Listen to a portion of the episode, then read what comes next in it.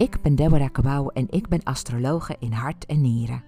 Ik ben auteur en uitgever van horoscoopboeken en horoscooprapportages en de eigenaar van de webshop horoscoopboeken.nl. Ik ben astrologisch business coach. Mijn missie is om levens van anderen positief te transformeren en dat doe ik door de exclusieve adviseur te zijn van vrouwelijke ondernemers in dienstverlenende beroepen. Bij mij komen coaches, trainers en adviseurs, als ook ondernemende vrouwen in de media- en entertainmentbranche. Het merendeel is 70 tot 80 procent op weg met hun missie. Wat hebben deze vrouwen met elkaar gemeen? Zij zien zichzelf als de waardevolste investering binnen hun bedrijf. Ze willen eruit halen wat erin zit en goede strategische keuzes maken. Zit jij hier naar te luisteren en denk je: Goh, ze heeft het over mij? Ik heb een unieke methode ontwikkeld waardoor ik in jouw geboortehoroscoop kan zien waar jouw goud ligt en hoe jij dat het beste kunt verzilveren. Ik geef VIP-dagen die ik achter de schermen heel minutieus voorbereid en mijn grote gave is dat ik je potentieel volledig zie en dat ik dat weet te vertalen naar concrete, kansrijke ideeën voor jouw business. Ik geef je aan het einde van deze podcast de link hoe je met mij in contact kunt komen of raadpleeg de show notes bij deze podcast. Deze podcast ben ik gestart om mijn grote passie met jou te delen: astrologie. Ik ben hier om jou te helpen herinneren wie je bent en wat jouw levensmissie is. Geen zweverig gedoe, maar wel met veel spiritueel gevoel. Het is mijn diepe overtuiging dat je bij geboorte een gebruiksaanwijzing mee hebt gekregen en ik ontvouw die heel graag voor je. Voel je welkom bij de community van astrologieliefhebbers die meer te weten willen komen over deze fascinerende wetenschap. Laat je inspireren door de vele ins en outs die je nergens anders zult horen. Je bent veel meer dan je ooit is verteld en ik vertel je graag het eerlijke verhaal.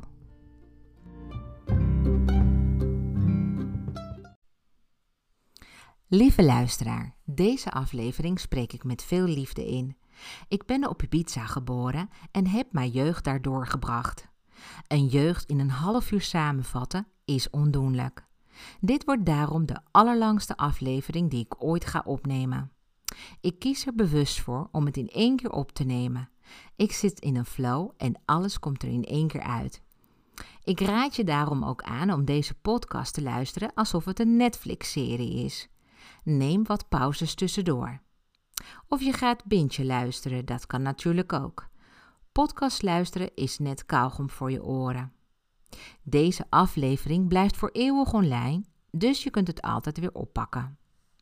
Wellicht luister je tijdens een wandeling ernaar, of tijdens je huishoudelijke taken, of misschien zit je nu wel in de auto, of luister je terwijl je shopt.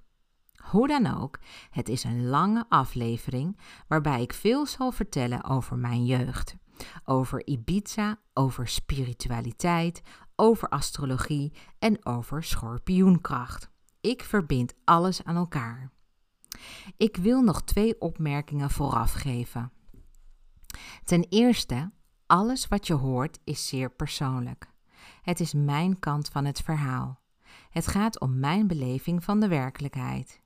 Ik neem verantwoordelijkheid voor mijn eigen ervaringen en zelfgekozen woorden en wil absoluut niet praten namens mensen die voorbij komen in deze podcast. Zij hebben recht op hun eigen beleving van de werkelijkheid, net als jij ook recht hebt op je eigen verhaal. Mijn tweede opmerking gaat over jouw jeugd.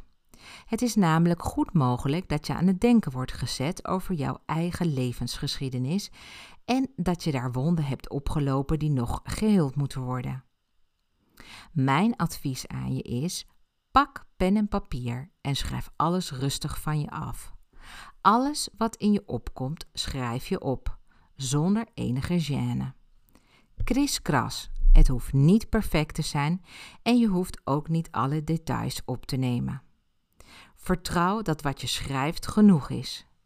Schrijf wat er met je is gebeurd, hoe je het hebt ervaren en welke personen een belangrijke rol hebben gespeeld in je leven. Als je alles hebt opgeschreven, neem het dan op met bijvoorbeeld de dictafoon van je telefoon. Met alle telefoons kun je tegenwoordig opnemen. Als laatste stap, en dat is misschien nog wel de spannendste stap, laat iemand er naar luisteren. Dit kan een vertrouwd persoon zijn, maar ook aan een tamelijk onbekende. Praat daarna na met elkaar. Je zal zien dat je een stukje verder bent in je heling. Dit wordt een bijzondere aflevering, dat voel ik nu al. Ik ga privé dingen met je delen. Ik ga me niet inhouden. Sinds ik met deze podcast ben begonnen, regent het van de positieve reacties, waarvoor ik jou als luisteraar zeer dankbaar voor ben. Ik ben nog geen anderhalve maand geleden begonnen met deze podcast en ik heb al meer dan 1600 downloads. Ik heb aan de reacties gemerkt dat het heel erg gewaardeerd wordt als ik mijn privéleven deel en voornamelijk als ik het heb over wat mij gevormd heeft. Daarom heb ik besloten om een aflevering te maken over, jawel, mijn roots. Oftewel mijn wortels. Het begin van het begin van Mini Deborah. Het is ook niet meer dan fair dat je ook weet wie ik ben en wat mij gevormd heeft. Ten slotte mag ik ook ongegeneerd in jouw horoscoop kijken en kom ik zo ook heel wat over jou te weten. Ik ga je in deze aflevering vertellen over mijn roots op Ibiza en wat dat te maken heeft met het sterrenbeeld Schorpioen. Want ja, velen weten het niet, maar Ibiza is bij uitstek het Schorpioeneiland. De ziel van de mens is bewust of onbewust op zoek naar het nirvana, oftewel een soort staat van verlichting. En Ibiza komt pretty close bij deze ervaring. Deze aflevering staat geheel in het teken van mijn roots. Nu zul je je wel afvragen wat Ibiza met astrologie te maken heeft. Nou, meer dan je denkt. Ik geef je een inkijkje in een wereld waarvan je wellicht het bestaan niet weet, maar ook in mijn eigen persoonlijke geschiedenis. Ik kom uit een groot gezin met maar liefst 13 kinderen en we hebben allemaal onze roots op Ibiza liggen. Hoewel Ibiza het paradijs op aarde is, was het in mijn jeugd soms de hel op aarde. Zoals met alles is, bestaat licht niet zonder schaduw en vice versa. Ibiza had voor mij ook een schaduwzijde. Maar daarover straks meer. Het is de eerste keer dat ik heel openhartig over mijn roots ben en mijn jeugdherinneringen groots deel. Ik merk ook dat ik het spannend vind om over mezelf te praten en over mijn jeugdjaren. Ik heb wekenlang nagedacht waar ik zou beginnen. Maar na lang dubben heb ik besloten om de microfoon te pakken en maar ergens te beginnen. Zoals je weet van eerdere podcasts van mij, word je geboren met een kosmische blueprint. Jouw essentie zetelt in je diepste wezen, in je ziel. En je blueprint, oftewel jouw persoonlijke handleiding, gaat zich door de jaren ontvouwen. Je hebt ervaringen nodig om je karakter te vormen. Dus je zou goed kunnen stellen dat je een combinatie bent van je blueprint plus ervaringen. En dat geeft als resultaat je karakter weer. De ervaringen die je opdoet in je jeugd dreunen een leven lang door.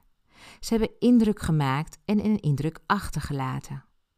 Onze toekomst zien we vaak door de bril van ons verleden. Een bekende uitspraak van een Deens filosoof, um, hij heet Kierkegaard, ja, dat vond ik zo'n hele mooie uitspraak, die zei: het leven wordt voorwaarts geleefd en achteraf begrepen. Ik heb daar heel lang over nagedacht en dat is ook natuurlijk zo.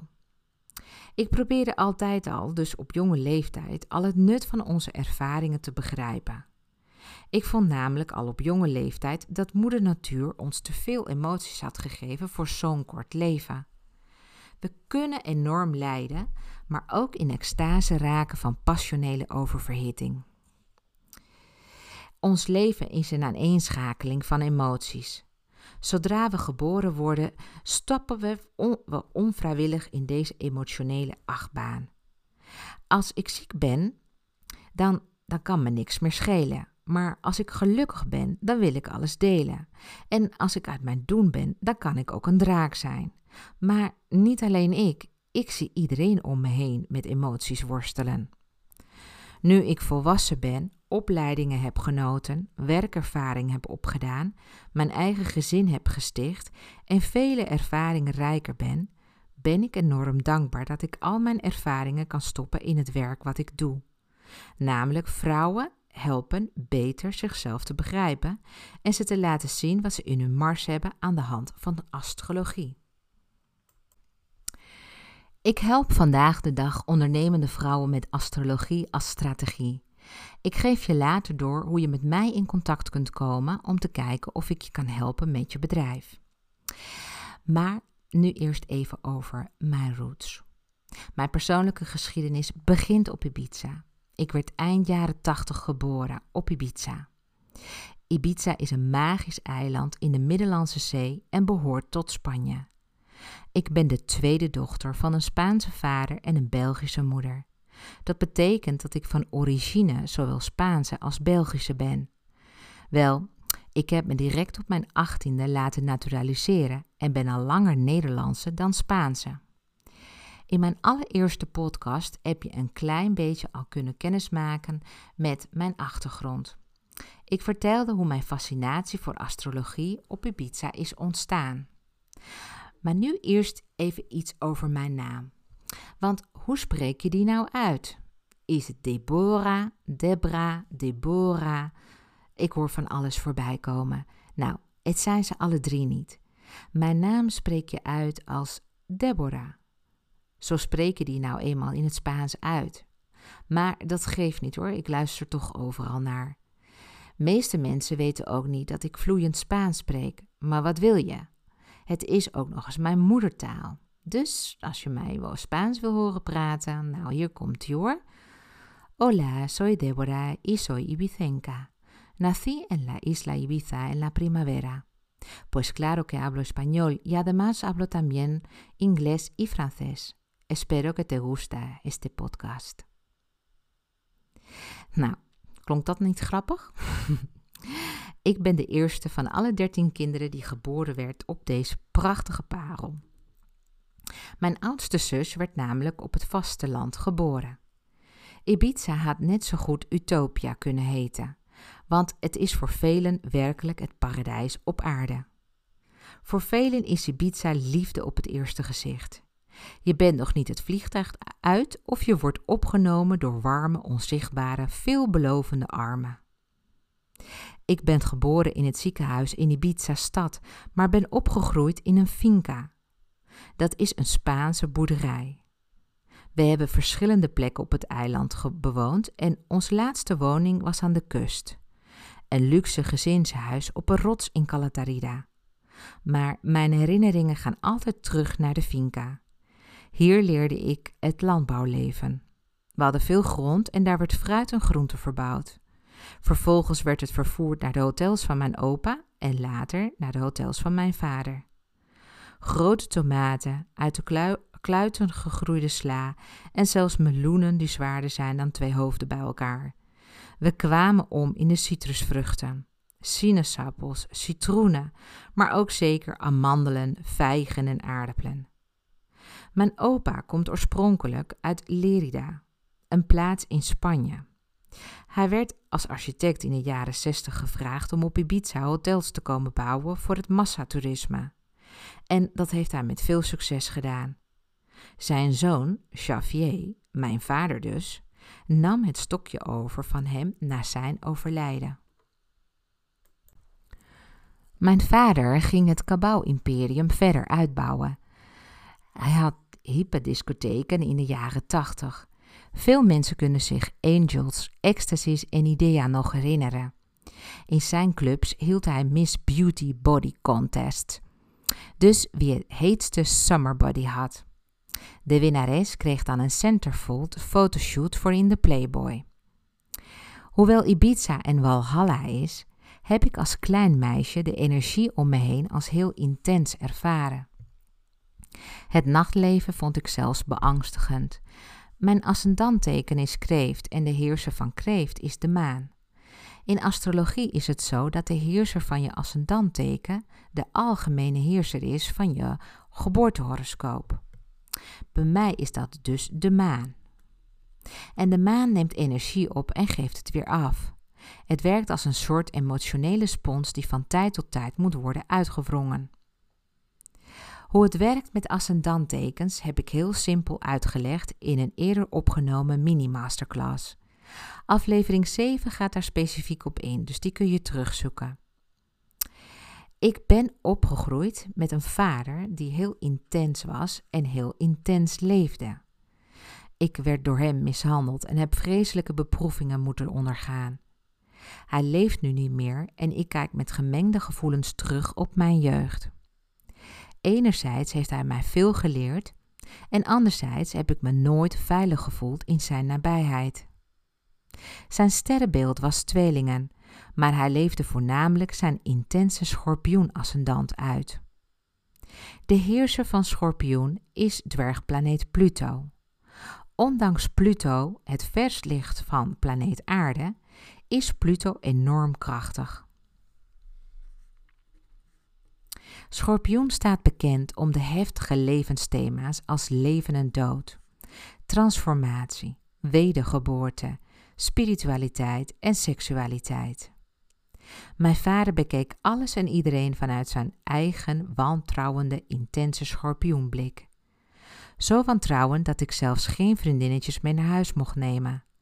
Hij dacht dat ze kleine vermomde detectives waren van mogelijke vijanden. We hadden thuis ook geen telefoon. Hij dacht dat we wel eens afgeluisterd konden worden. Mijn vader werd ook wel de koning van het eiland genoemd, omdat hij horeca-ondernemer was en goed wist hoe de hazen liepen. Hij werd gerespecteerd en gevreesd door vriend en vijand. Zo gaat het nou eenmaal op een pirateneiland te midden van maffia-bendes die hun smokkelwaar aan de grond willen. Mijn vader was bang dat een van zijn kinderen gekidnapt zou worden en hem om losgeld gevraagd zou worden. Het is gelukkig nog nooit zo ver gekomen. Maar je kunt je wel voorstellen met welk gevoel wij ons tussen de mensen begaven. Het was altijd ongemakkelijk. Mijn vader had ook vaak gelijk. Met zijn X-ray ogen kon hij mensen vanaf kilometers lezen. Maar hij zat er ook wel eens naast. Enerzijds was hij geniaal in zijn creatieve vondsten en was hij zijn concurrenten altijd voor. Maar anderzijds maakte hij een puinhoop van zijn relaties en had hij steeds grotere kicks nodig om zich levend te voelen. Het werd hem helaas uiteindelijk fataal. Als je hiernaar zit te luisteren en je bent zelf een schorpioen, of je hebt schorpioenen in je omgeving, schrik dan niet. Schorpioenen zijn fantastisch, erotisch en complex. Het zijn waarheidsvinders bij uitstek en de maatschappij kan niet zonder ze. Ik ga je er straks meer over vertellen. En weet je, schorpioenkracht is een thema binnen onze familie. Ik heb alle horoscopen bestudeerd en we hebben allemaal schorpioen op een kritieke punt in onze horoscoop. De meesten hebben een schorpioen-ascendant of een krachtige Pluto-positie. Na het overlijden van mijn vader, nu 15 jaar geleden, heb ik zijn horoscoop kunnen bestuderen omdat ik via een geboorteakte aan zijn geboortetijd ben gekomen. Mijn vader had nou eenmaal een complexe lijnenspel in zijn horoscoop. Zijn levensloop heeft dus niet alleen met schorpioen te maken. Schorpioenenergie hebben we allemaal in ons zitten en afhankelijk of we getriggerd worden, komt deze energie tot uiting. Je hebt zeer milde schorpioenen rondlopen en de meeste schorpioenen kiezen ervoor om iets positiefs met hun gaven te doen. Zo vind je veel therapeuten, medici en psychologen met dit sterrenbeeld, maar ook mensen die de onderwereld juist willen ontmantelen, zoals mensen bij de politie en het leger. En wat dacht je van Peter de Vries? Hij is een ras-echte schorpioen, een waarheidsvinder bij uitstek. Hij is van 14 november en onverschrokken ging hij om de bovenste steen boven te krijgen. Niets of niemand vrezend. Ook zo typisch schorpioen. Want ook al maak je veel mee, geen teken kan zo goed weer op zijn pootjes terechtkomen als een schorpioen. En dit geldt voor iedereen met het sterrenbeeld schorpioen of schorpioen als maanteken of ascendanteken. Weet wel dat in wezen de drijfveren van een schorpioen ingegeven worden vanuit angst. Mensen met zwarte maan in schorpioen kennen een diepe, diepe verscholen angsten. En hun gave is dat ze hun innerlijke draken in de ogen durven te kijken. Maar goed, dat gaat altijd gepaard met de nodige trauma en drama. Ik vind het belangrijk om het over mijn vader te hebben, want we hebben allemaal een vaderfiguur in ons leven gehad. Hij was mijn vader en tot op de dag van vandaag speelt hij nog een centrale rol in de Kabau-dynastie. Hij heeft vier relaties gehad en al zijn vrouwen hebben hem verlaten of stonden op het punt om hem te verlaten. Het was moeilijk om vol te houden bij hem. Niet alleen vanwege zijn bizarre lifestyle en gedachtenkronkels, maar ook vanwege zijn heftige plutonische uitbarstingen. Hij kon intens liefhebben en was een charmeur eerste klas. Maar dat zijn dus extremen. Liefde en haat liggen dicht tegen elkaar aan bij een schorpioen. Mijn moeder was Belgische en zij was zijn eerste grote liefde. Ze sprak Frans en zei altijd dat hij echt dol was op haar accent. Het deed hem denken aan romige melkchocolade. Mijn vader kreeg drie dochters met mijn moeder. Mijn moeder was 21 toen ze mijn oudere zus kreeg. Ik ben de tweede. Helaas, de relatie hield geen stand, want mijn vader had oog voor vrouwelijk schoon. Hij begon een relatie met een langbenige blonde Zweedse vrouw. Hier kwam mijn intelligente halfbroer uit voort. Aansluitend kreeg hij een relatie met mijn Nederlandse bonusmoeder, waar ik veel aan te danken heb. Hij was onder de indruk van haar sociale omgangsvormen en de zeven talen die zij moeiteloos beheerste. Daar was hij wel eens jaloers op, maar hij kon zich prima met haar vinden, en want uh, hij wilde eigenlijk heel erg graag dat zij de PR van zijn clubs zou gaan doen, wat ze ook heel succesvol deed. Met haar kreeg hij nog eens drie dochters en één zoon. Maar ook die relatie hield geen stand. Het ging helemaal mis toen mijn vader drugs begon te gebruiken. Uiteindelijk trouwde hij met de knapste schorpioenvrouw uit Ibiza, waar hij nog eens drie prachtige dochters en twee zonen kreeg. En dat brengt de teller op dertien kinderen. Mijn vader riep ook altijd dat hij een elftal wilde. Nou, dat is hem dus gelukt hoor. En uh, er zijn zelfs wat reservespelers. op Ibiza heb ik op een crash gezeten bij de nonnen. En ik ben ook nog naar de basisschool gegaan. En ik heb ook volgens goed katholiek gebruik uh, mijn communie gedaan. En ze hebben me ook gedoopt. Ik heb op Ibiza mijn zwemdiploma's behaald. En ik heb op kung les gezeten, op balletles en zelfs Engelse lessen gevolgd. Op school gingen we vaak op excursies. En thuis aten we zeker wel vier keer per week buiten de deur. Het klinkt allemaal fantastisch, maar in die tijd kwamen ook de films zoals E.T. Ik weet niet of je je dan nog kan herinneren, maar goed.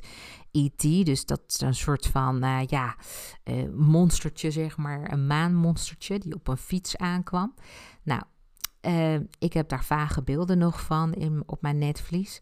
En misschien kan je ook nog wel de videoclip herinneren van Michael Jackson. Die bracht de clip Thriller uit. Nou, dat vond ik echt horror. Ik was een meisje van vijf. En uh, nou ja, dan zag ik gewoon van die zombies uit, uh, uit hun graf komen. En dan opeens heel eng dansen. Nou ja, zo eng voelde ook soms het eiland voor mij. Ik had soms ook het idee dat ieder moment zombies ons zouden kunnen overnemen. Er gebeurde namelijk van alles op het eiland. Ik herinner mij dat alles heel intens was. De emoties, de energie, de persoonlijkheden, onze thuissituatie. Ik ben opgegroeid met meerdere verzorgers. Er waren altijd au pairs in huis. Het was een komen en gaan van mensen en vaak ook nog mensen waar ik net aan gewend was.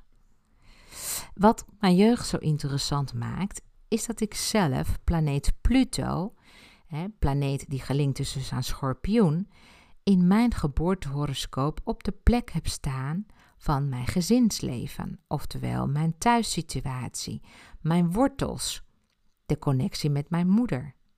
Oftewel het vierde huis voor degenen die iets meer over astrologie weten. Dit betekent dat ik diep en intens kan voelen, maar ook mijn diepste angsten in mijn thuissituatie beleef. En Pluto is heftig. Het gaat echt over leven en dood, al dan niet psychisch. Tezamen met mijn gevoelige maan als horoscoopheerser betekent het dat ik diep kan voelen. Meer dan ik durfde toe te geven toen ik klein was. Bij ons thuis is van alles gebeurd en niets ontging me. Ik kon het misschien niet allemaal begrijpen, maar ik pikte wel de emoties feilloos op.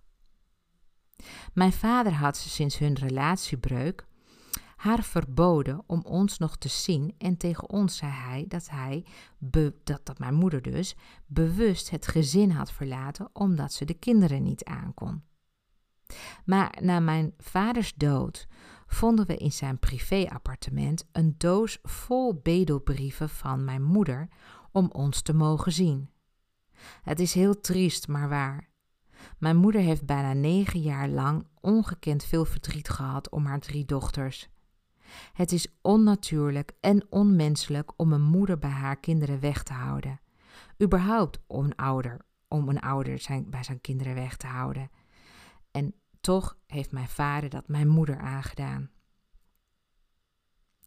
Mijn biologische moeder overleed moederziel alleen in haar eigen land van herkomst, België. Ze overleed aan kanker en ik heb gelukkig nog haar de laatste zes maanden van haar leven mogen kennen. Ze was toen al erg ziek. Ik was pas elf jaar oud en het werd mij verteld dat ze binnen een half jaar zou sterven. Ze was terminaal, maar dat wist mijn moeder zelf alleen nog niet. Mijn moeder hield hoop op herstel en hield mij en mijn zus een leven vol geluk voor. Ze wilde zo graag dat ik en mijn zussen bij haar in Brussel zouden komen wonen. En eerlijk gezegd, dat had ik haar ook gegund, maar het mocht niet zo zijn.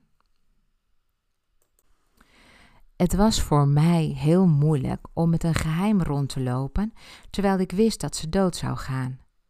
In de tussentijd moest ik leuk en gezellig tegen haar doen. Mijn moeder stierf op 24 oktober, net toen het seizoen van de schorpioen was begonnen. Wist je even off the record, dat woorden vibraties teweeg brengen die opgepikt, kunnen worden door ons lichaam. Via al onze receptoren ontvangen wij frequenties en wellicht heb je wel eens gehoord van waterdruppels die in bepaalde vormen, in bepaalde vormen kristalliseren, afhankelijk van de frequenties waaraan ze worden blootgesteld. Kortom, Taal werkt op een bepaalde frequentie en de intentie waarmee het de wereld wordt ingeslingerd heeft ook effect op ons als mens. Daarbij maakt het dus niet uit of het gericht wordt aan ons of op iemand anders. We pikken het gewoon op alsof we in dezelfde ruimte zitten. Het gaat dus door muren heen. Daarom kunnen kinderen vanuit hun bedjes van alles meekrijgen wat zich in huis afspeelt. Sferen gaan door muren. En kind is nou eenmaal altijd alert op gevaar, ook psychisch gevaar. En als je ouders ruzie maken, dan voel je dat als kind, al begrijp je op die leeftijd niet waar hun problemen over gaan. En woorden doen wel zeer. Negatieve woorden kunnen ons ziek maken. En uit experimenten is gebleken dat iemand negeren het ergste is wat er bestaat. Psychisch gezien sterft iemand als die niet wordt onderkend. Maar eerst ja, ervaart hij enorm veel stress. Bij mij thuis gebeurde dit allemaal en wellicht zit je hier naar te luisteren en ben je ook bekend met dergelijke ervaringen. Weet dat je dus niet gek bent als je iets naars voelt wanneer iemand iets zegt. In mijn jeugd heb ik veel onverklaarbare mystieke ervaringen beleefd. Ik, ik zag geen geesten of zo, maar ik kreeg wel boodschappen door in mijn dromen. Het was eigenlijk best wel bizar weken en soms maanden later kwamen die dromen alsnog uit. Ik dacht dat dat heel normaal was. In mijn jeugd kreeg ik al op jonge leeftijd veel verantwoordelijkheden en hoewel ik optimistisch was en zelfverzekerd overkwam, was ik van binnen altijd bang. Ik was bang voor mijn vader. Ik was bang voor boeven. Ik was bang voor dieren. Ik was bang voor de nacht. Ik was bang voor de gure wind. En wat ik toen niet wist, is dat Ibiza door astrologen in 1978 al bestempel uh, hadden als schorpioeneiland. Er hangt gewoon op Ibiza een intense, penetrerende en diephelende energie. Het raakte me als kind heel diep. De diepe angsten kwamen voor in mijn slaap en dat is de reden dat ik tot mijn tiende in bed plaste. Er was geen medische verklaring te vinden voor mijn bedplasser, maar ik kon het toen niet onder woorden brengen dat ik me klein voelde en dat die grote verantwoordelijkheden mij eigenlijk overbelasten. Ik, ik moest uh, gewoon die verantwoordelijkheden dragen.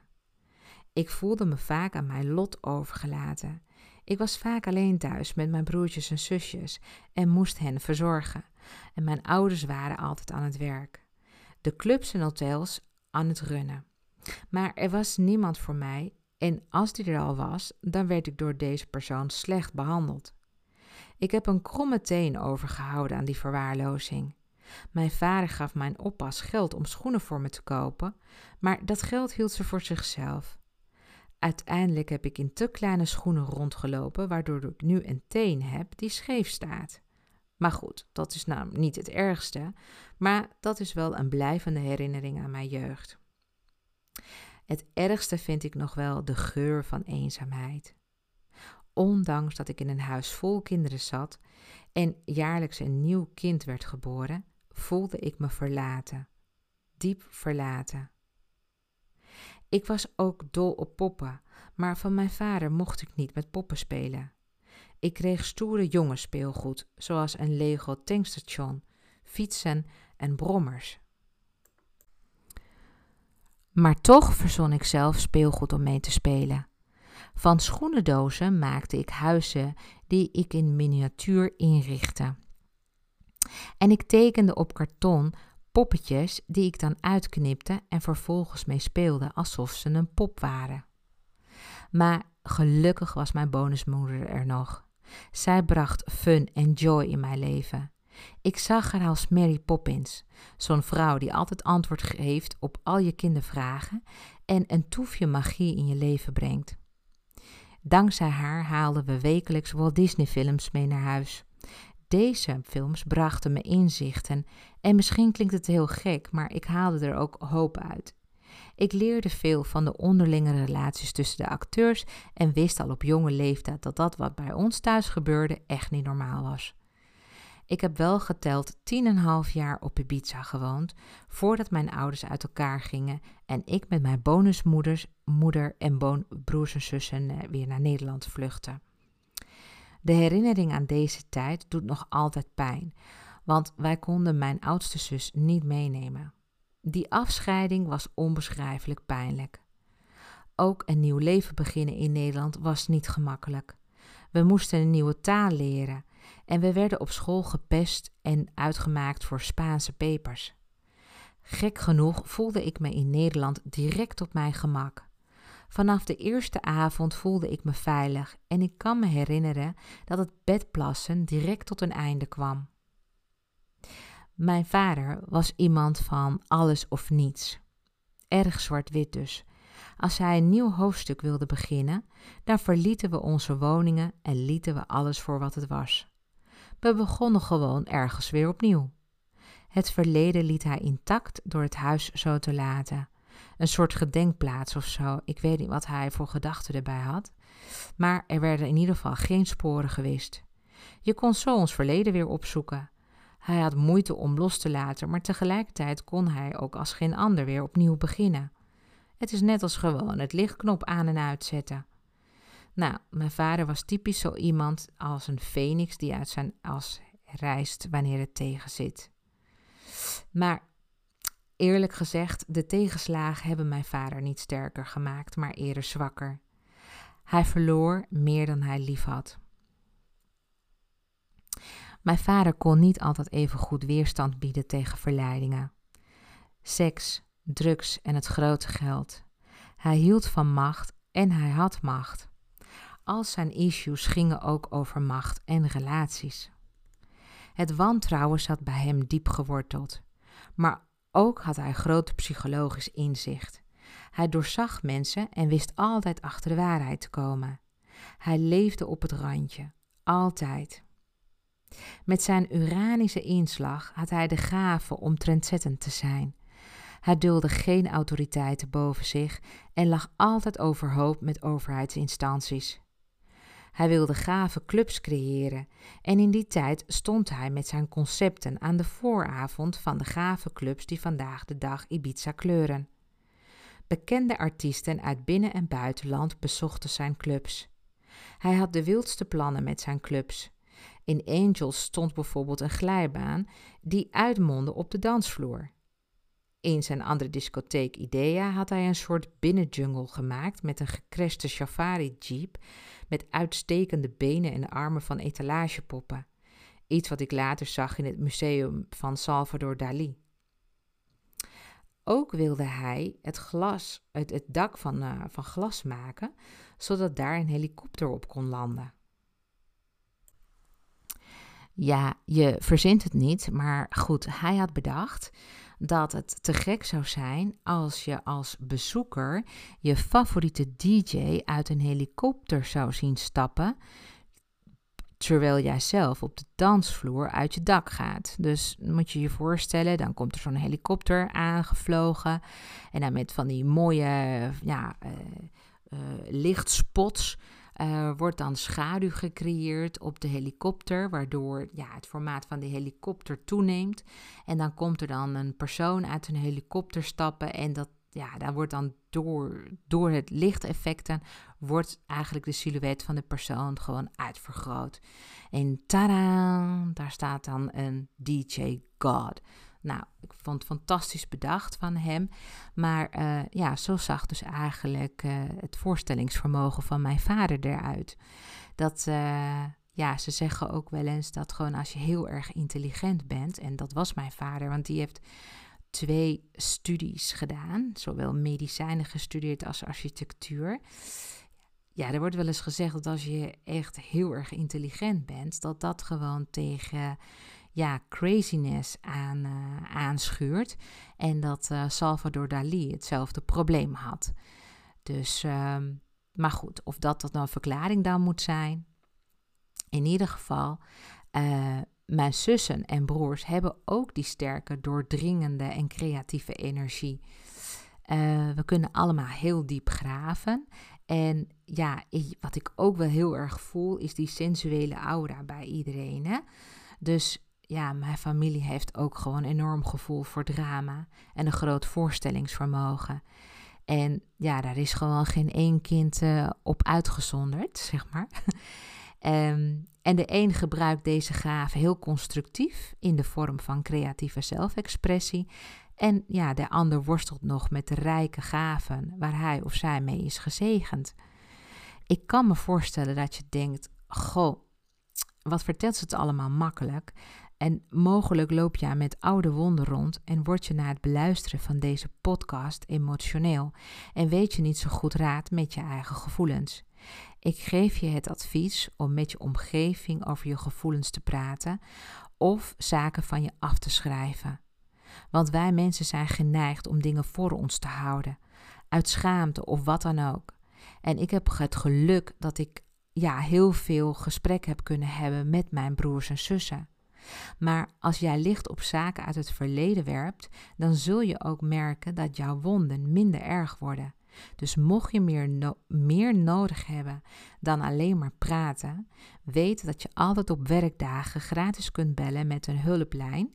Dat is de hulp- en advieslijn van uh, Mind Correlatie. En dat nummer is 0900 uh, 1450. En ik vind het wel belangrijk om dat eventjes toch aan te geven, omdat ik natuurlijk er niet voor je kan zijn nadat je deze podcast hebt beluisterd en misschien komen er wat dingen bij jou los. Nou, in ieder geval, ik wil je nog wat veel meer vertellen over Ibiza, want um, ik heb een heel verhaal.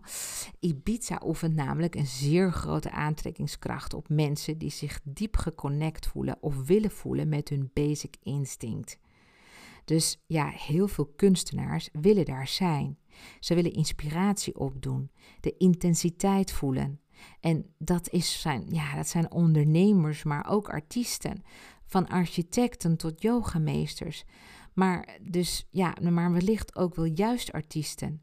Mensen die heel diep in zichzelf moeten duiken om tot waanzinnige creaties te komen vanuit hun pure essentie.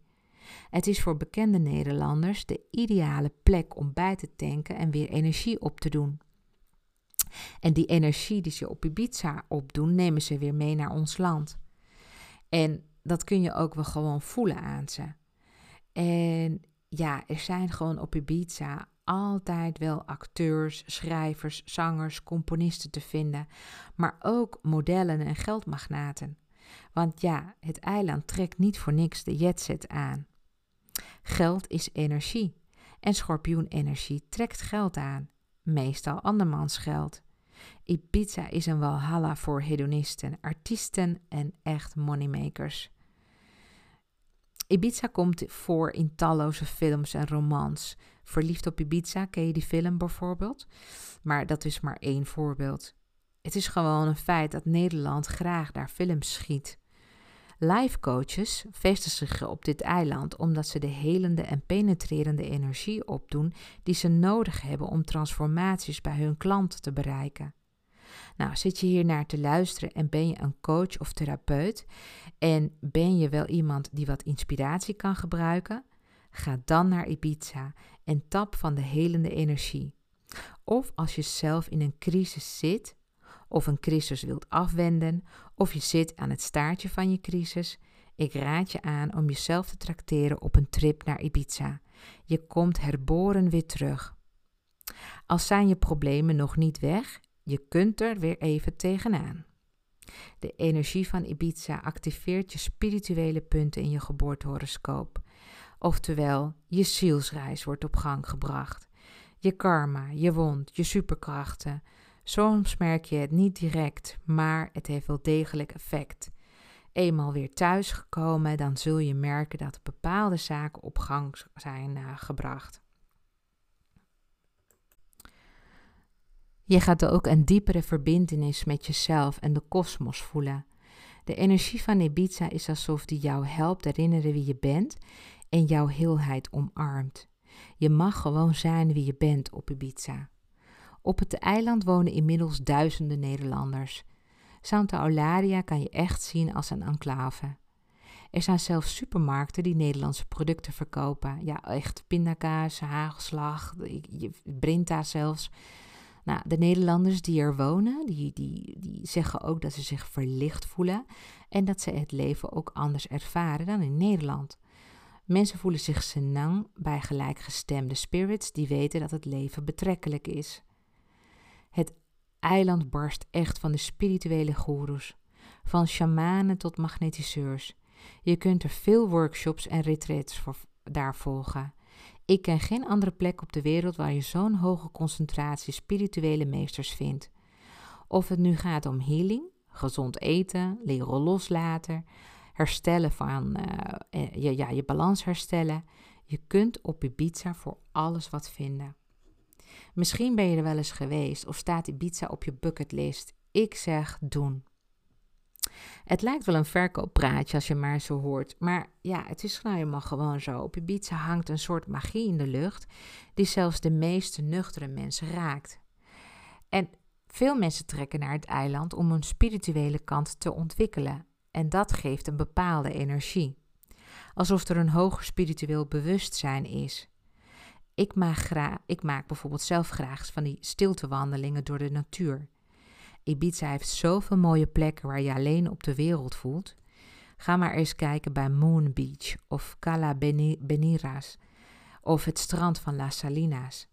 Eigenlijk is het hele noorden van Ibiza één spiritueel gebied. Op dit mediterrane eiland, wat ook wel White Island wordt genoemd, ehm, en dat, het wordt White Island genoemd omdat er veel witte huisjes daar zitten, um, ja, daar vind je echt werkelijk alles voor een topvakantie. Dus als je op zoek bent naar felle zon, lichtblauwe zee en goudgele stranden uh, en je wilt snel opladen, dan is dat echt een goede plek. En eigenlijk, zodra je op Ibiza bent, heb je, heb je meteen zin om het hele eiland te verkennen. Maar goed, kom je daar om liever te relaxen? Nou, dan, dan kun je echt je geluk op. Want er zijn zoveel strandtenten langs de kabbelende zee.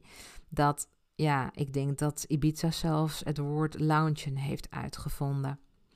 En ja, op Ibiza hoor je ook altijd gewoon van die, van, ja, van die mooie galmende Ibiza beats door de radio. Het, maakt niet uit of je in de taxi stapt of uh, zelf de radio aanzet in je net gehuurde auto.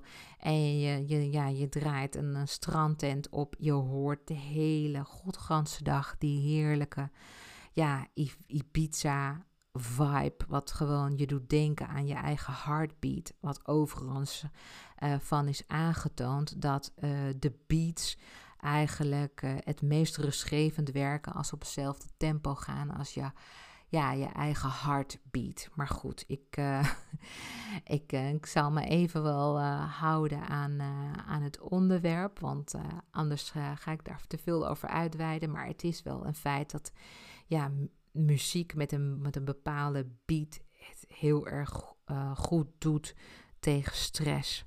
Dus, um, maar misschien is het wel aardig om je te vertellen dat de relaxte sfeer op Ibiza er niet altijd is geweest.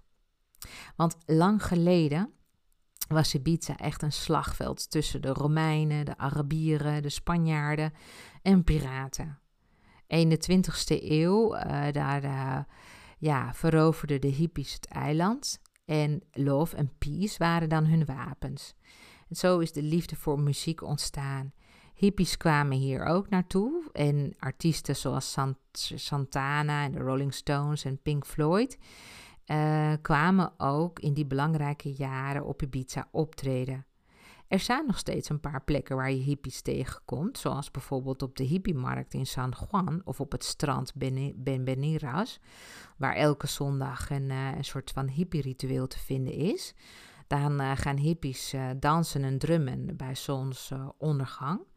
Nou, het is erg gezellig en, um, en perfect om de, en een perfecte plek om de unieke energie van het eiland een keer van dichtbij mee te maken. Dus het strand Benerida, ben, Beniras, die moet je echt gaan opzoeken. Maar ik weet wel zeker dat, dat Ibiza met haar rijke historie en een heerlijk klimaat jouw hart weet te veroveren. Ibiza is gewoon hot. Ibiza is duur. Ibiza is commercieel. Ibiza is verslavend. Ja, je hoort dit allemaal. En is ook zo. Het is ook gewoon zo. Maar er is ook een andere kant aan Ibiza. Een kant die ik heb mogen ervaren omdat het mijn roots zijn. Ik ben daar uit de klei getrokken. Ik ben geïmpregneerd met de Ibiza sky, met de Ibiza vibe, met de Ibiza foods en ik heb een Ibiza spirit. Ik draag Ibiza in mijn hart, ziel en bloed. Ik voel me ook een verlengstuk van Ibiza. Ik ben nauw verbonden met de maanenergie en kan me een groot moedergevoel vol mededogen uh, mensen helpen met hun diepste wonden. Dus ik weet dat ik dat gewoon kan. Dat heb ik meegekregen vanuit mijn jeugd. En weet je, het is namelijk zo, ja, je kunt wel het meisje uit Ibiza halen, maar niet Ibiza uit het meisje. En dan wil ik je nog heel erg veel vertellen over schorpioenkracht. Ehm, want ik weet zeker dat je dit heel erg interessant gaat vinden. Schorpioenkracht is namelijk zowel een vloek als een zegen tegelijk. Met iets te veel plutonische energie kan destructief en zelfvernietigend werken je ziet het aan de mensen die de extreme intensiteit opzoeken en willen vluchten uit de werkelijkheid. Dus mensen met een overvloed aan uh, schorpioenkracht kunnen excessief gebruik maken van, nou ja, uh, verdovende middelen of nachtenlang stappen uh, een grote focus hebben op seks, waardoor ze amper constructief aan iets anders kunnen werken. Maar dit is wel echt in, extreme, in de e-, meest extreme vorm. Hè? Het zorgt er ook eigenlijk voor dat je dan steeds weer een shot nodig hebt. Dus je raakt verslaafd aan de geneugten des levens. En dat je altijd dus een soort dramatische uh, toestanden in je leven nodig hebt. En ja, als je gewoon heel veel uh, schorpioenenergie bij je draagt, dan kan het ook zomaar zijn dat je ongewild verzeild raakt in dramatische toestanden. Is het niet van jezelf, dan wel van een ander. Het mooie is wel dat je gewoon geheim mee kunt nemen tot, tot aan je graf. En um, ja, maar goed, um, even voor nu het goede nieuws van de schorpioenkracht is dat als je het alleen serveert als smaakmaker en niet als hoofdgerecht, dat je veel mooie tonen in je leven kunt toelaten. Dus bij schorpioen geldt zeker geniet, maar geniet met mate. Zoals ik aangaf, is mijn familiethema schorpioen. Dat betekent ook dat we veel schorpioen-energie aantrekken. Nou, je gelooft het bijna niet, maar zelfs mijn dochter heeft een schorpioen-ascendant en mijn partner. En je raadt nooit waar hij mij ten huwelijk vroeg. Nou, jawel, dus op Ibiza. En dat tijdens nieuwe maan in schorpioen. Ja, hoe verzin je het? Maar dat gebeurt dus. De nieuwe maan in Schorpioen is ook een goed moment voor verschillende rituelen voor de liefde. Want Schorpioen is tenslotte een teken van passie. Je kunt de band met je soulmate tijdens nieuwe maan versterken. En ja, wat veel mensen niet weten, maar ik vind het toch wel belangrijk om dat even voor nu aan te stippen. Er is wel degelijk verschil tussen mannelijke en vrouwelijke schorpioenen. Maar daarover meer in een andere podcast. Ik heb me verdiept in spirituele astrologie. Een van de eerste dingen wat ik onderzoek, waar ik onderzoek naar doe als jij zelf een coach of een therapeut bent of wilt worden, is of je over voldoende schorpioenenergie beschikt. Ik kijk, ik kijk zelf als eerste naar je gouden driepoot, dus naar je sterrenbeeld, jouw ascendanteken en jouw maantekenen. Maar het kan heel goed zijn dat jouw schorpioengave ergens anders verstopt zit in je geboortehoroscoop. Er zijn namelijk meer punten in je horoscoop die kunnen duiden op de grote gave van schorpioen. Laat ik vooropstellen dat iedereen schorpioenenergie in zich heeft, net als de energie van alle andere elf sterrenbeelden. De kosmos heeft niemand overgeslagen. Maar de samenstelling van de sterrenbeelden verschilt wel van persoon tot persoon. In eerdere podcast van mij geef ik daar meer uitleg over. Maar goed, nu even terug naar schorpioen, want schorpioen gaat diep. De schorpioen is intens, kent drama. En de meeste schorpioenen hebben zelf iets heftigs meegemaakt in zijn of haar jeugd. En schorpioen onderdrukt ook altijd iets. Het slikt als het ware iets in. En om ervoor te zorgen dat je er niet in stikt en verslikt, moet het weer naar buiten toe. Dat gaat vaak niet op een rustige manier, nee. Schorpioenen staan garant voor, uh, ja, voor snedige, dan wel dramatische ja, uh, manier van, uh, van uitbarsten, zeg maar. het snedige opmerkingen en het zijn ook wel vaak rake opmerkingen. Hè? Dus het is wel zo dat het zinnig is wat je zegt. Alleen ja, het komt soms uh, ja, zo, um, ja, zo heftig eruit dat een ander eigenlijk uh, ja, direct uh, van, stil, van stil wordt. Um, en daarom is het belangrijk om eigenlijk een beetje tot tien te tellen voordat je dan iets zegt. Als je de band tenminste goed wil houden. Kortom, het kan zomaar zijn dat je je heel lang inhoudt, maar dan in één keer een uitbarsting komt. En er zijn manieren om met deze rauwe energie om te gaan. Als ik in jouw horoscoop kijk, dan zie ik direct hoe het bij jou zit. En ik kan je ook adviseren of het coachvak bijvoorbeeld jou goed ligt. Als je wilt weten waar jouw schorpioenkracht zit, dan kun je jouw gratis geboortehoroscoop aanvragen via deborahkabau.nl. Misschien heb je dat al eens eerder gedaan in het verleden. Kijk dan eventjes in, je, in het document dat ik je heb opgestuurd en zoek dan uh, het teken van de schorpioen op. Um, als je nog niet je geboortehoroscoop hebt aangevraagd, doe het dan zo snel mogelijk, want ik weet niet hoe lang ik nog deze gratis dienst zal aanbieden. Goed, het schorpioen valt onder het element water, en net als kreeft en vissen. De kreeft is bijvoorbeeld wel emotioneel, creatief en instinctief, en de schorpioen is meer diepgravend, heldervoelend en mysterieus. En wat de vissen betreft, ja, daar komt alles tegelijk. Maar dan ook nog eens met extra inlevingsvermogen, een rijke verbeeldingskracht en artistieke talenten. Vissen is net een spons. Het neemt alles in zich op. Vissen hebben diepe wateren en voelen zich soms ontredderd in onze harde wereld. Zowel vissen als schorpioenen en kreeften doen er goed aan om zich van tijd tot tijd terug te trekken en op te laden. De wereld is nou eenmaal te indringend voor hun gevoelige natuur. Mensen met veel water in hun geboortehoroscoop zijn zeer ontvankelijk voor de energieën op Ibiza. De vibe van Ibiza werkt door op lichaam en geest. Depressies verdwijnen als sneeuw voor de zon. Door lichtstraling, wat werkt als lichttherapie tijdens een wintermaand, en warmtestraling, wat diep in het lichaam doorwerkt. De combinatie van zonlicht en de, de mystieke energie brengen je binnen no time in een soort trance. Het is niet voor niets de ideale plek om te mediteren of om mindfulness oefeningen te doen. Ik zelf woon in Groningen. Om precies te zijn in Leek. En de meeste mensen zouden er een moord voor doen om Groningen te mogen inruilen voor Ibiza. Maar ik niet. Niet alleen omdat de liefde van mijn leven uit deze streek komt, maar omdat hier alles voor mij klopt. De rust, het groene, de ruimte, de natuur, het dorpsleven. Maar ja, wat ik al eerder zei, je kunt wel het meisje uit Ibiza halen, maar Ibiza haal je niet uit het meisje.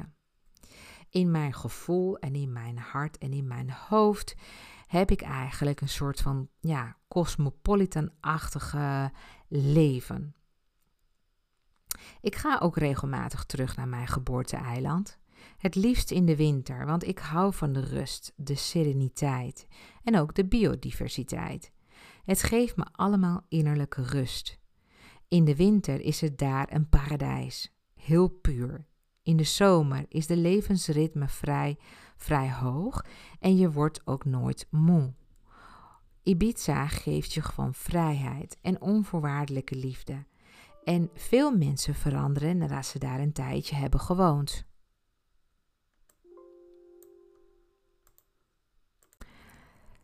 Het eiland is overzichtelijk en toch is het mogelijk om je net als een schorpioen te verstoppen.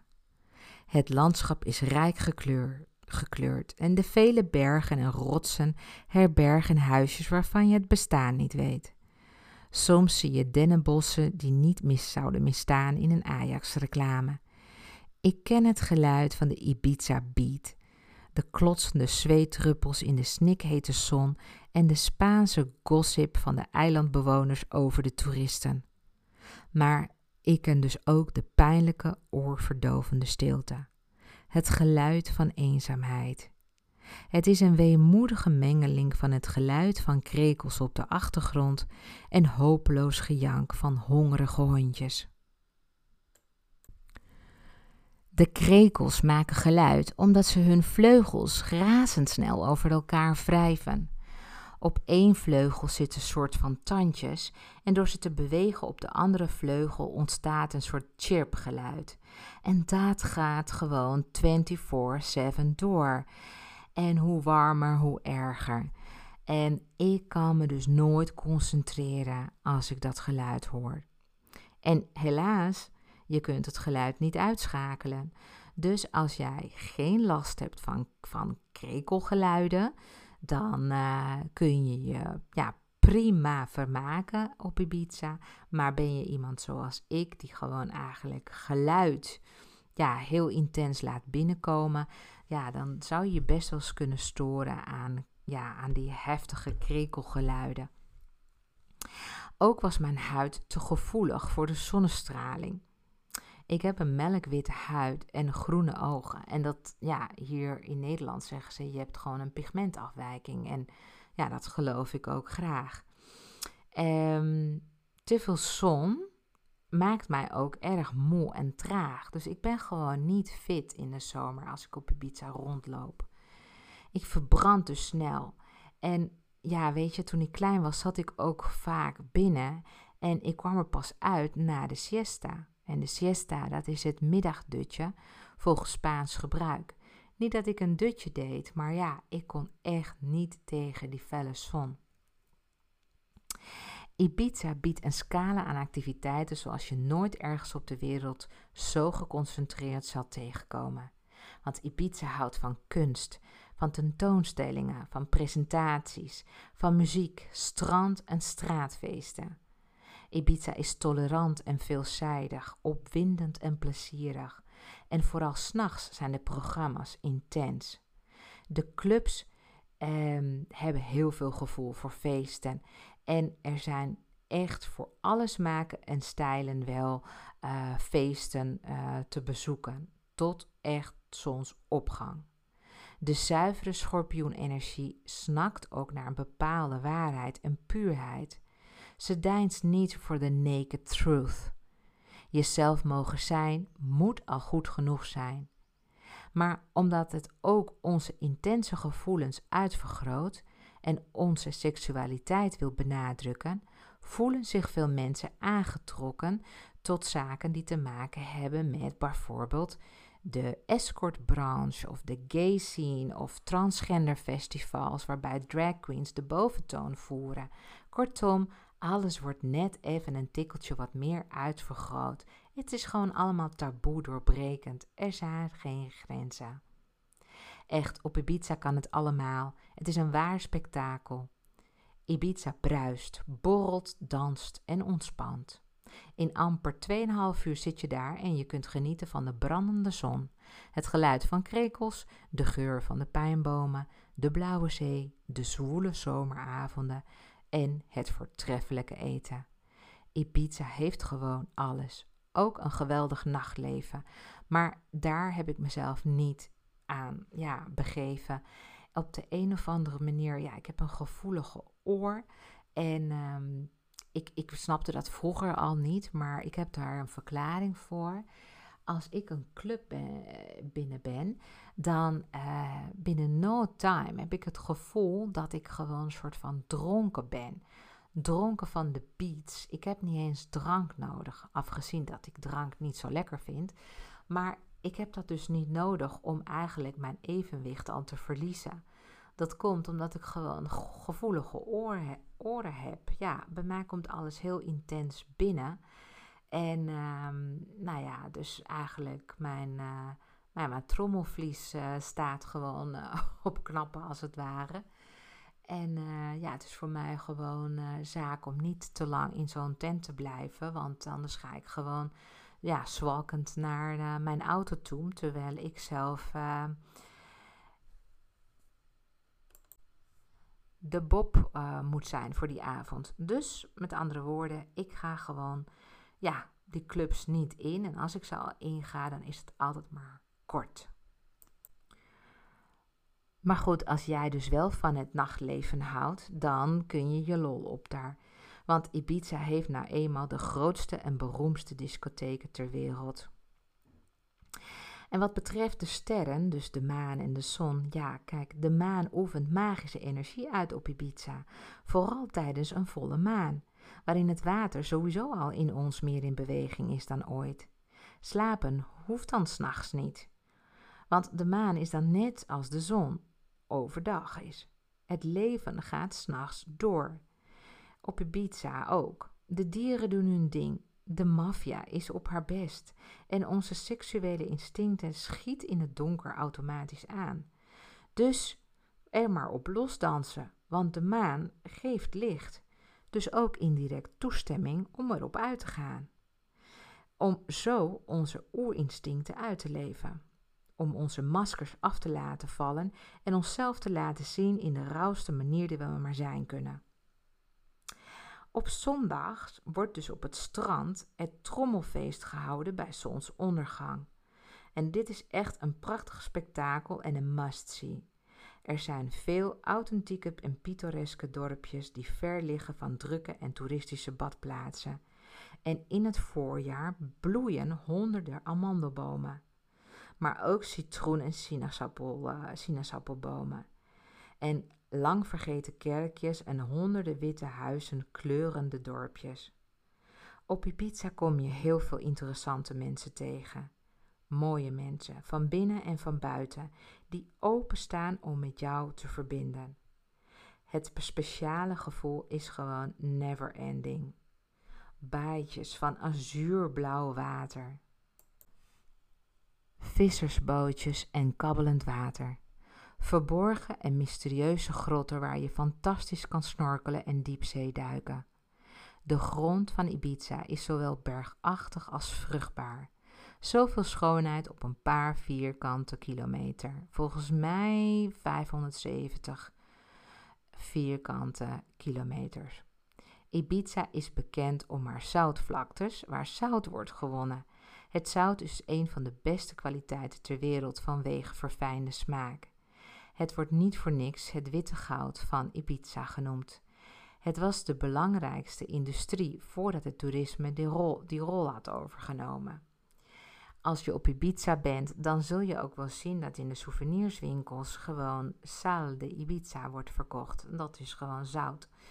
Gewonnen uit de zeevlaktes um, bij Ibiza.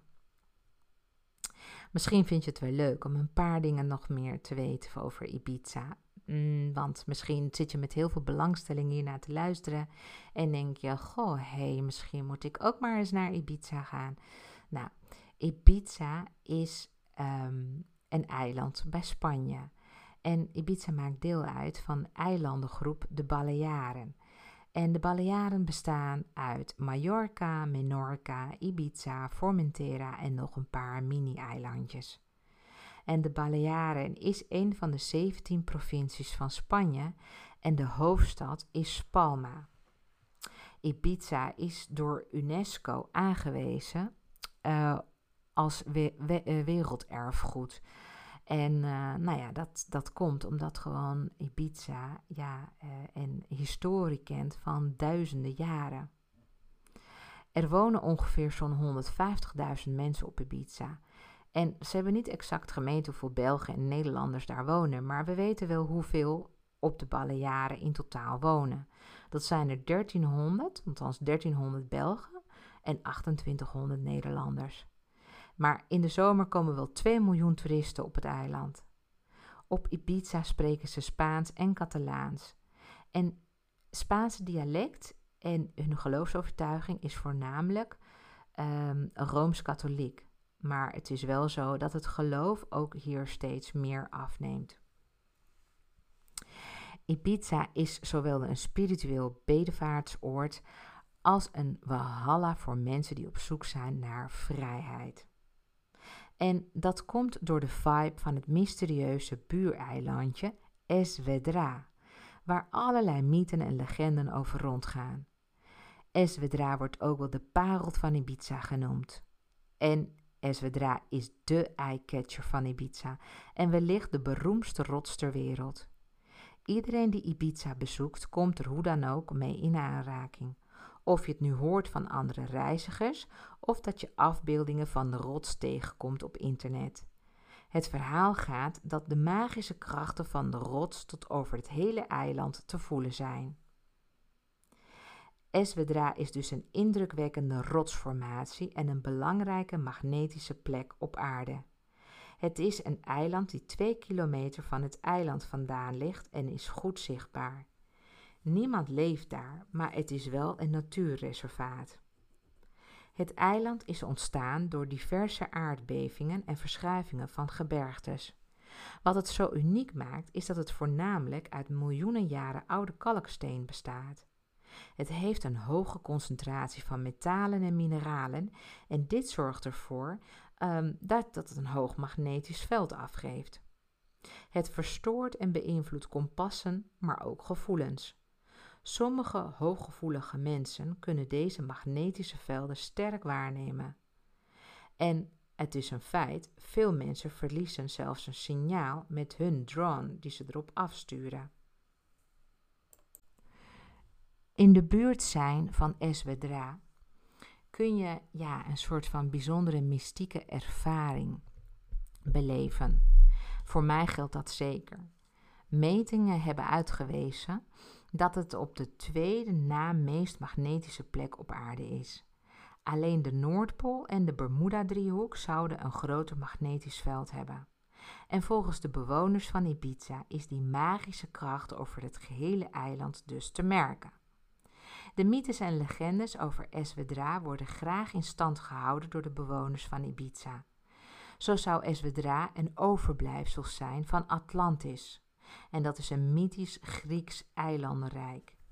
Welke mythes en legendes er ook rondgaan, feit is in ieder geval dat het een spirituele plek is waar de mystiek hoogtij viert. Het is een spirituele plaats waar bijvoorbeeld kunstenaars of spiritueel aangelegde mensen op zoek zijn naar bijzondere ervaringen. Dit heeft alles te maken met onder andere de geschilderde afbeelding, afbeelding van de god Shiva. Deze muurschildering bevindt zich in een kleine grot binnen de steile berg op Eswedra zelf.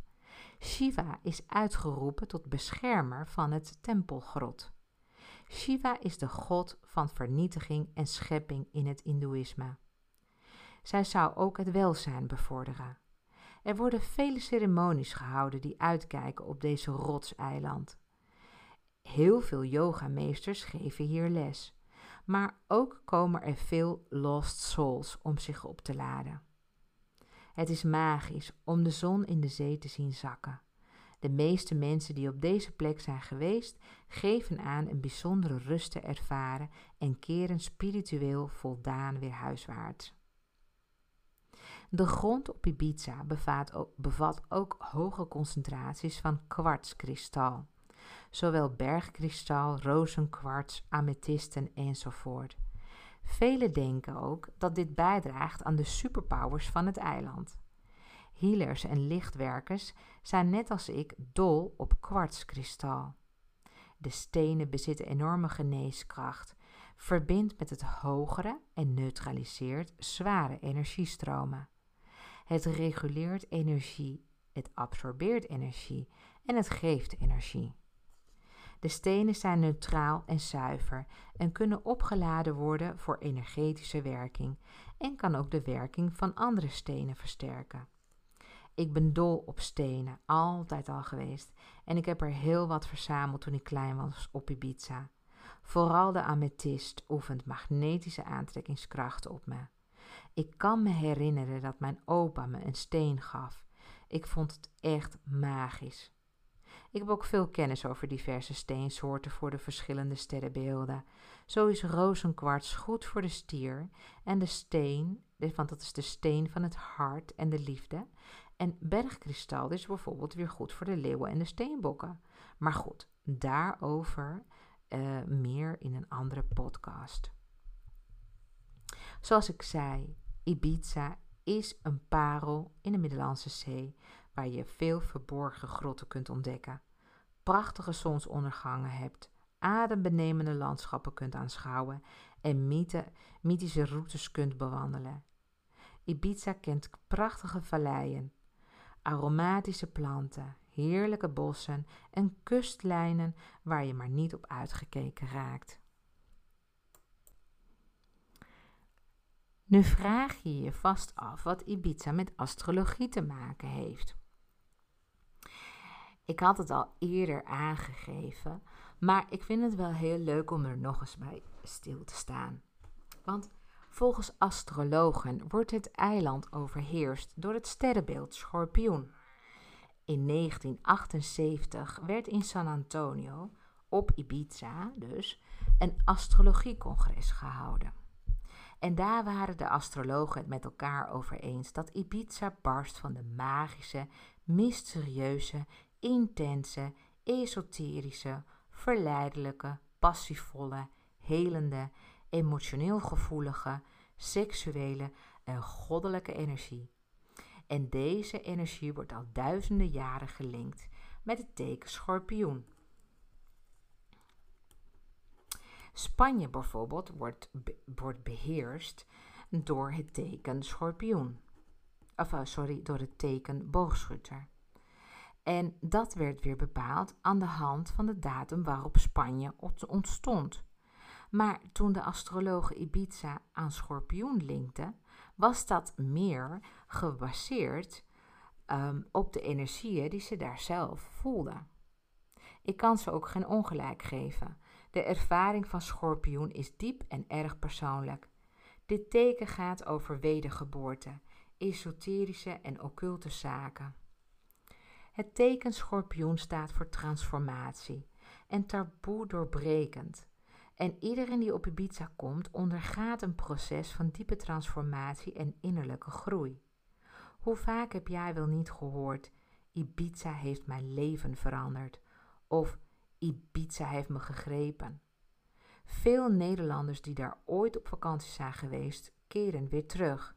Het liefst zouden ze er permanent wonen. Ibiza heeft magnetische aantrekkingskracht en het is de ideale plek voor het volgen van alternatieve therapieën voor body, mind en soul. Daar waar schorpioenen echt in schitteren. Maar de schorpioen is ook het teken van extreme. Het eiland pakt je of pakt je niet. In de zomer is het een waar festijn met veel vrije geesten, maar in de winter is het leeg, stil en naar binnen gekeerd.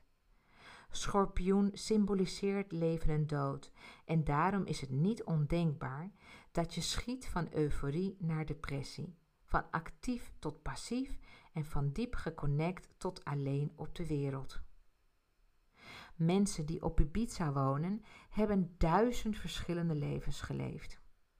Daar waar we in Nederland al snel zeggen: doe maar gewoon, dan doe je al gek genoeg, geldt niet voor de Ibiza-bewoner. Die maakt in zijn leven heel wat plotselinge wendingen mee. Schorpioen-energie brengt een grote creatieve kracht met zich mee. En hangen altijd nieuwe kansen in de lucht. Als je op Ibiza bent, kun je een ware metamorfose ondergaan. Je kunt jezelf steeds weer opnieuw uitvinden. Eén ding weet ik zeker: Ibiza laat echt niemand onberoerd, jou dus ook niet. Mocht je ervaringen hebben met het eiland, dan zou ik het leuk vinden als je jouw ervaringen met andere luisteraars wilt delen onder mijn Instagram en Facebook post. Dat lijkt me heel erg gaaf. Schorpioen zit bezit veel vrouwelijke energie. En Ibiza is bezaaid met spirituele en vruchtbare vrouwelijke energie. Op dit eiland voelt iedereen zich meteen bevrijd. Niemand oordeelt over je. Als je op zoek bent naar je ware zelf, dan is dit een zeer geschikte plek. Je kunt je ontdoen van dogma's en verwachtingen die anderen over je hebben. Je kunt je masker van je af laten glijden. Je ondergaat een ware persoonlijke transformatie en veel mensen komen hier tijdens een belangrijke koerswijziging van hun leven. Mensen vinden hier hun ware identiteit en hun levensmissie. Door het energieveld leent Ibiza zich uitstekend uit voor reiki, tai chi, chakra healing, yoga, meditatie, massages, numerologie, tarot en zelfs astrologie. Deze technieken vallen onder het teken Schorpioen en planeet Uranus, wat weer de heerser is van Waterman. En oh ja, dit moet ik je echt vertellen. Dit zal je vast interessant vinden. Als je zeker als je zelf een schorpioen bent. Want weet je, Madonna heeft ooit een samenwerking geweigerd met de wereldbekende Franse DJ David Guetta nadat ze erachter kwam dat hij een schorpioen is. Ja, echt waar. Ze wilde eerst met hem samenwerken, maar nadat ze hem om zijn geboortedatum vroeg en te horen kreeg dat hij van 7 november is, liep ze weg en heeft ze sindsdien het contact verbroken. Ik zal je zeggen, dat ligt niet aan de DJ, dat ligt aan haarzelf. Wij mensen zijn geneigd om delen van onszelf niet te willen zien. We willen ons niet identificeren met onze schaduwkanten. En een schorpioen is intens en legt alles bloot. En daar zit niet iedereen op te wachten. Schorpioenkracht zit in ons allen, dus ook in Madonna. De reactie van Madonna heeft te maken dat ze haar eigen schorpioeneigenschappen niet onder ogen wil komen of dat ze ervaring mee heeft dat haar stevige schorpioenenergie botst met die van een ander. Want schorpioenen kunnen heel creatief en passievol zijn als ze samenwerken, maar eenmaal in conflict met elkaar is de vraag wie als eerste zijn angel in de ander prikt. Mocht je om wat voor reden dan ook het idee hebben dat mensen een beetje raar op je reageren wanneer je zegt dat je een schorpioen bent, wees niet gevreesd. Zij vrezen voor zichzelf.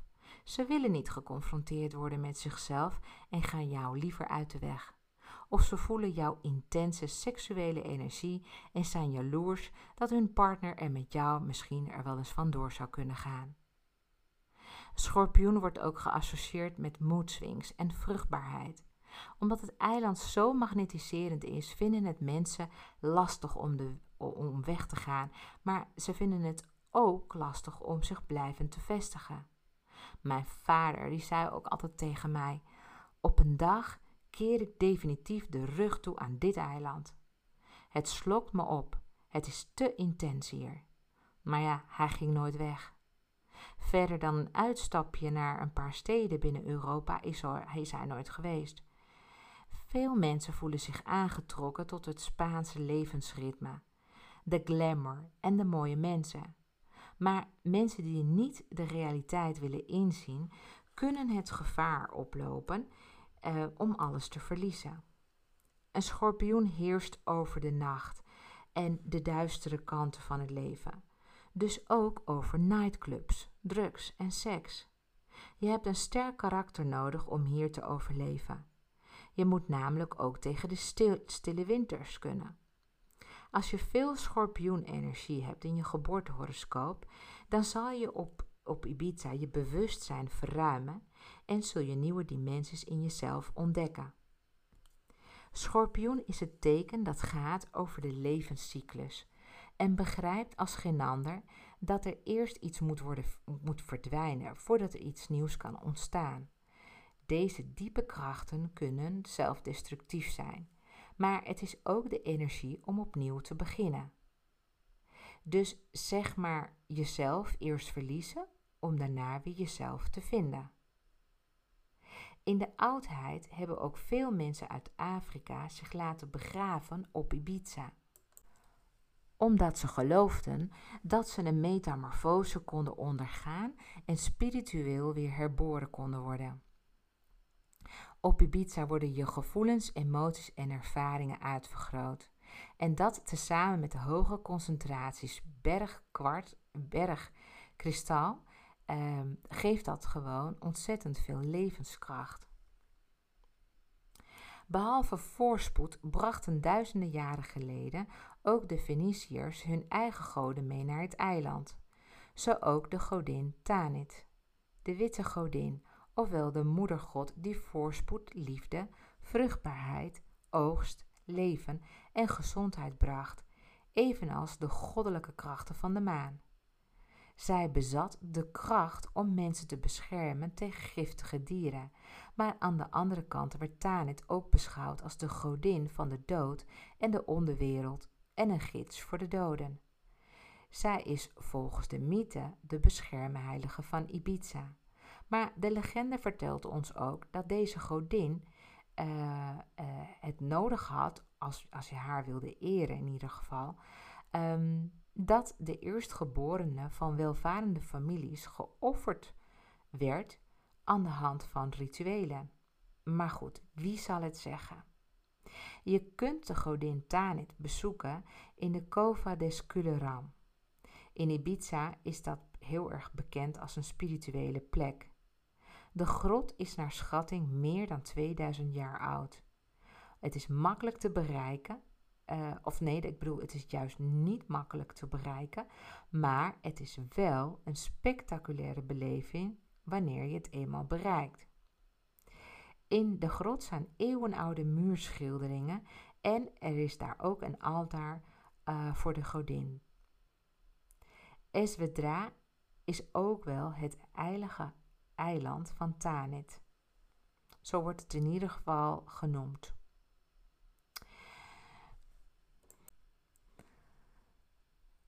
Nu heb ik uh, je heel erg veel verteld over mijn jeugd, over mijn ouders, over mijn leven op Ibiza, over Ibiza zelf, over de spiritualiteit van Ibiza, over de link met de schorpioenkracht, over de schorpioenen en over de mooie spirituele plekken op Ibiza. Het is best wel veel informatie. En ik kan me ook voorstellen dat je, nou ja, als je dit allemaal zo op je laat inwerken, dat je heel erg nieuwsgierig raakt, maar dat je ook heel erg gaat nadenken over je eigen jeugd. Ik wil jou tot slot het volgende meegeven. Ik vind het namelijk heel erg belangrijk dat jij jouw eigen levensverhaal ook goed kent. Het is een spirituele daad om je eigen levensverhaal en vooral, vooral je eigen jeugd onder woorden te brengen. Het bevrijdt je ook van veel. Je komt dingen tegen waar je omheen wilt, maar door te blijven schrijven en schrijven kom je uiteindelijk in een soort staat van verlichting. Het zet alles in perspectief en er ontstaat ruimte voor nieuwe dingen. En het is goed om jouw kant van het verhaal te delen. Het is hoe jij de dingen beleeft en hebt beleefd. Mijn broers en zussen hebben hun jeugd weer op een andere manier beleefd. Dat komt omdat zij gewoon nou eenmaal anders zijn ontworpen. Dus zij hebben het beleefd vanuit hun gezichtspunt en ook dat is oké. Mensen die op Ibiza willen wonen en gaan wonen, zijn mensen die weten dat het leven meer is dan alleen werken. Die willen niet meer in een systeem zitten. Ze hebben een kunstenaarsziel, zijn een vrije vogel of hebben een vrije vogelmentaliteit of willen gewoonweg hun mooiste leven leiden. In alles wat ze doen voelen ze zich verbonden. Met wat ze doen, met wat ze eten, met wie ze omgaan. Ze leven heel erg in het hier en nu. Ze leven dus bewuster en volgen meer het ritme van hun natuurlijke flow. Ze zijn meer in tune met hun primaire instincten, met de natuur en de kosmos. Weet dat het helen van je diepe wonden een proces is waar geen tijd voor staat en dat gaandeweg er helers op je pad zullen komen. Vertrouw op het universum. Vertrouw erop dat ook voor jou op het juiste moment zich mensen zullen aandienen die jou verder kunnen helpen. Ik wil je tot slot laten luisteren naar een fragment van het liedje Ik zie je naam in de sterren van Jan Smit. Jan was ten tijde dat mijn vader overleed mijn zwager en hij heeft voor onze familie een prachtig liedje geschreven en uitgebracht. Dit lied is inmiddels duizenden keren ten gehore gebracht op uitvaarten. En terecht. Ik ben Jan heel dankbaar voor dit liedje, want hij kon destijds verwoorden wat wij niet konden. En via de sterren houd ik een lijntje met zowel mijn vader als mijn moeder.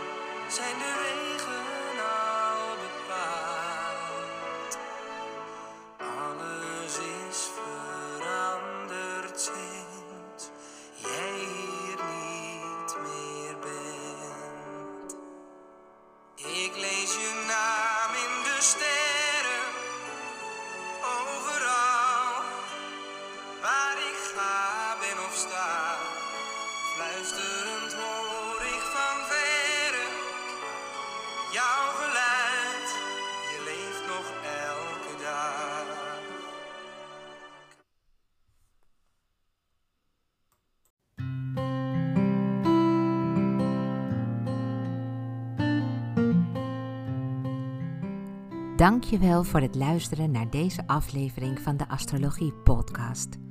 Met deze podcast wil ik je inspireren over astrologie, zodat je voor jezelf kunt nagaan of deze eeuwenoude wijsheid je antwoorden geeft waar je lang naar hebt gezocht. Ben jij een ondernemende vrouw en zie je het helemaal zitten om je door mij één op één te laten adviseren? Ga dan naar www.deborahkabau.nl en plan een gratis telefonische afspraak in mijn digitale agenda. We bekijken dan samen of astrologie een waardevolle stap is in jouw bedrijfsstrategie. Ben je door deze podcast enthousiast geworden en wil je nog veel meer te weten komen over jouw persoonlijke astrologie? Download dan nu helemaal gratis jouw geboortehoroscoop op www.deborahkabau.nl. Vind je deze podcast interessant en wil je voortaan geen aflevering missen? Klik op de button subscribe, volgen of abonneren en je ontvangt automatisch een berichtje als een nieuwe aflevering verschijnt. Wist je dat je ook een review kunt achterlaten?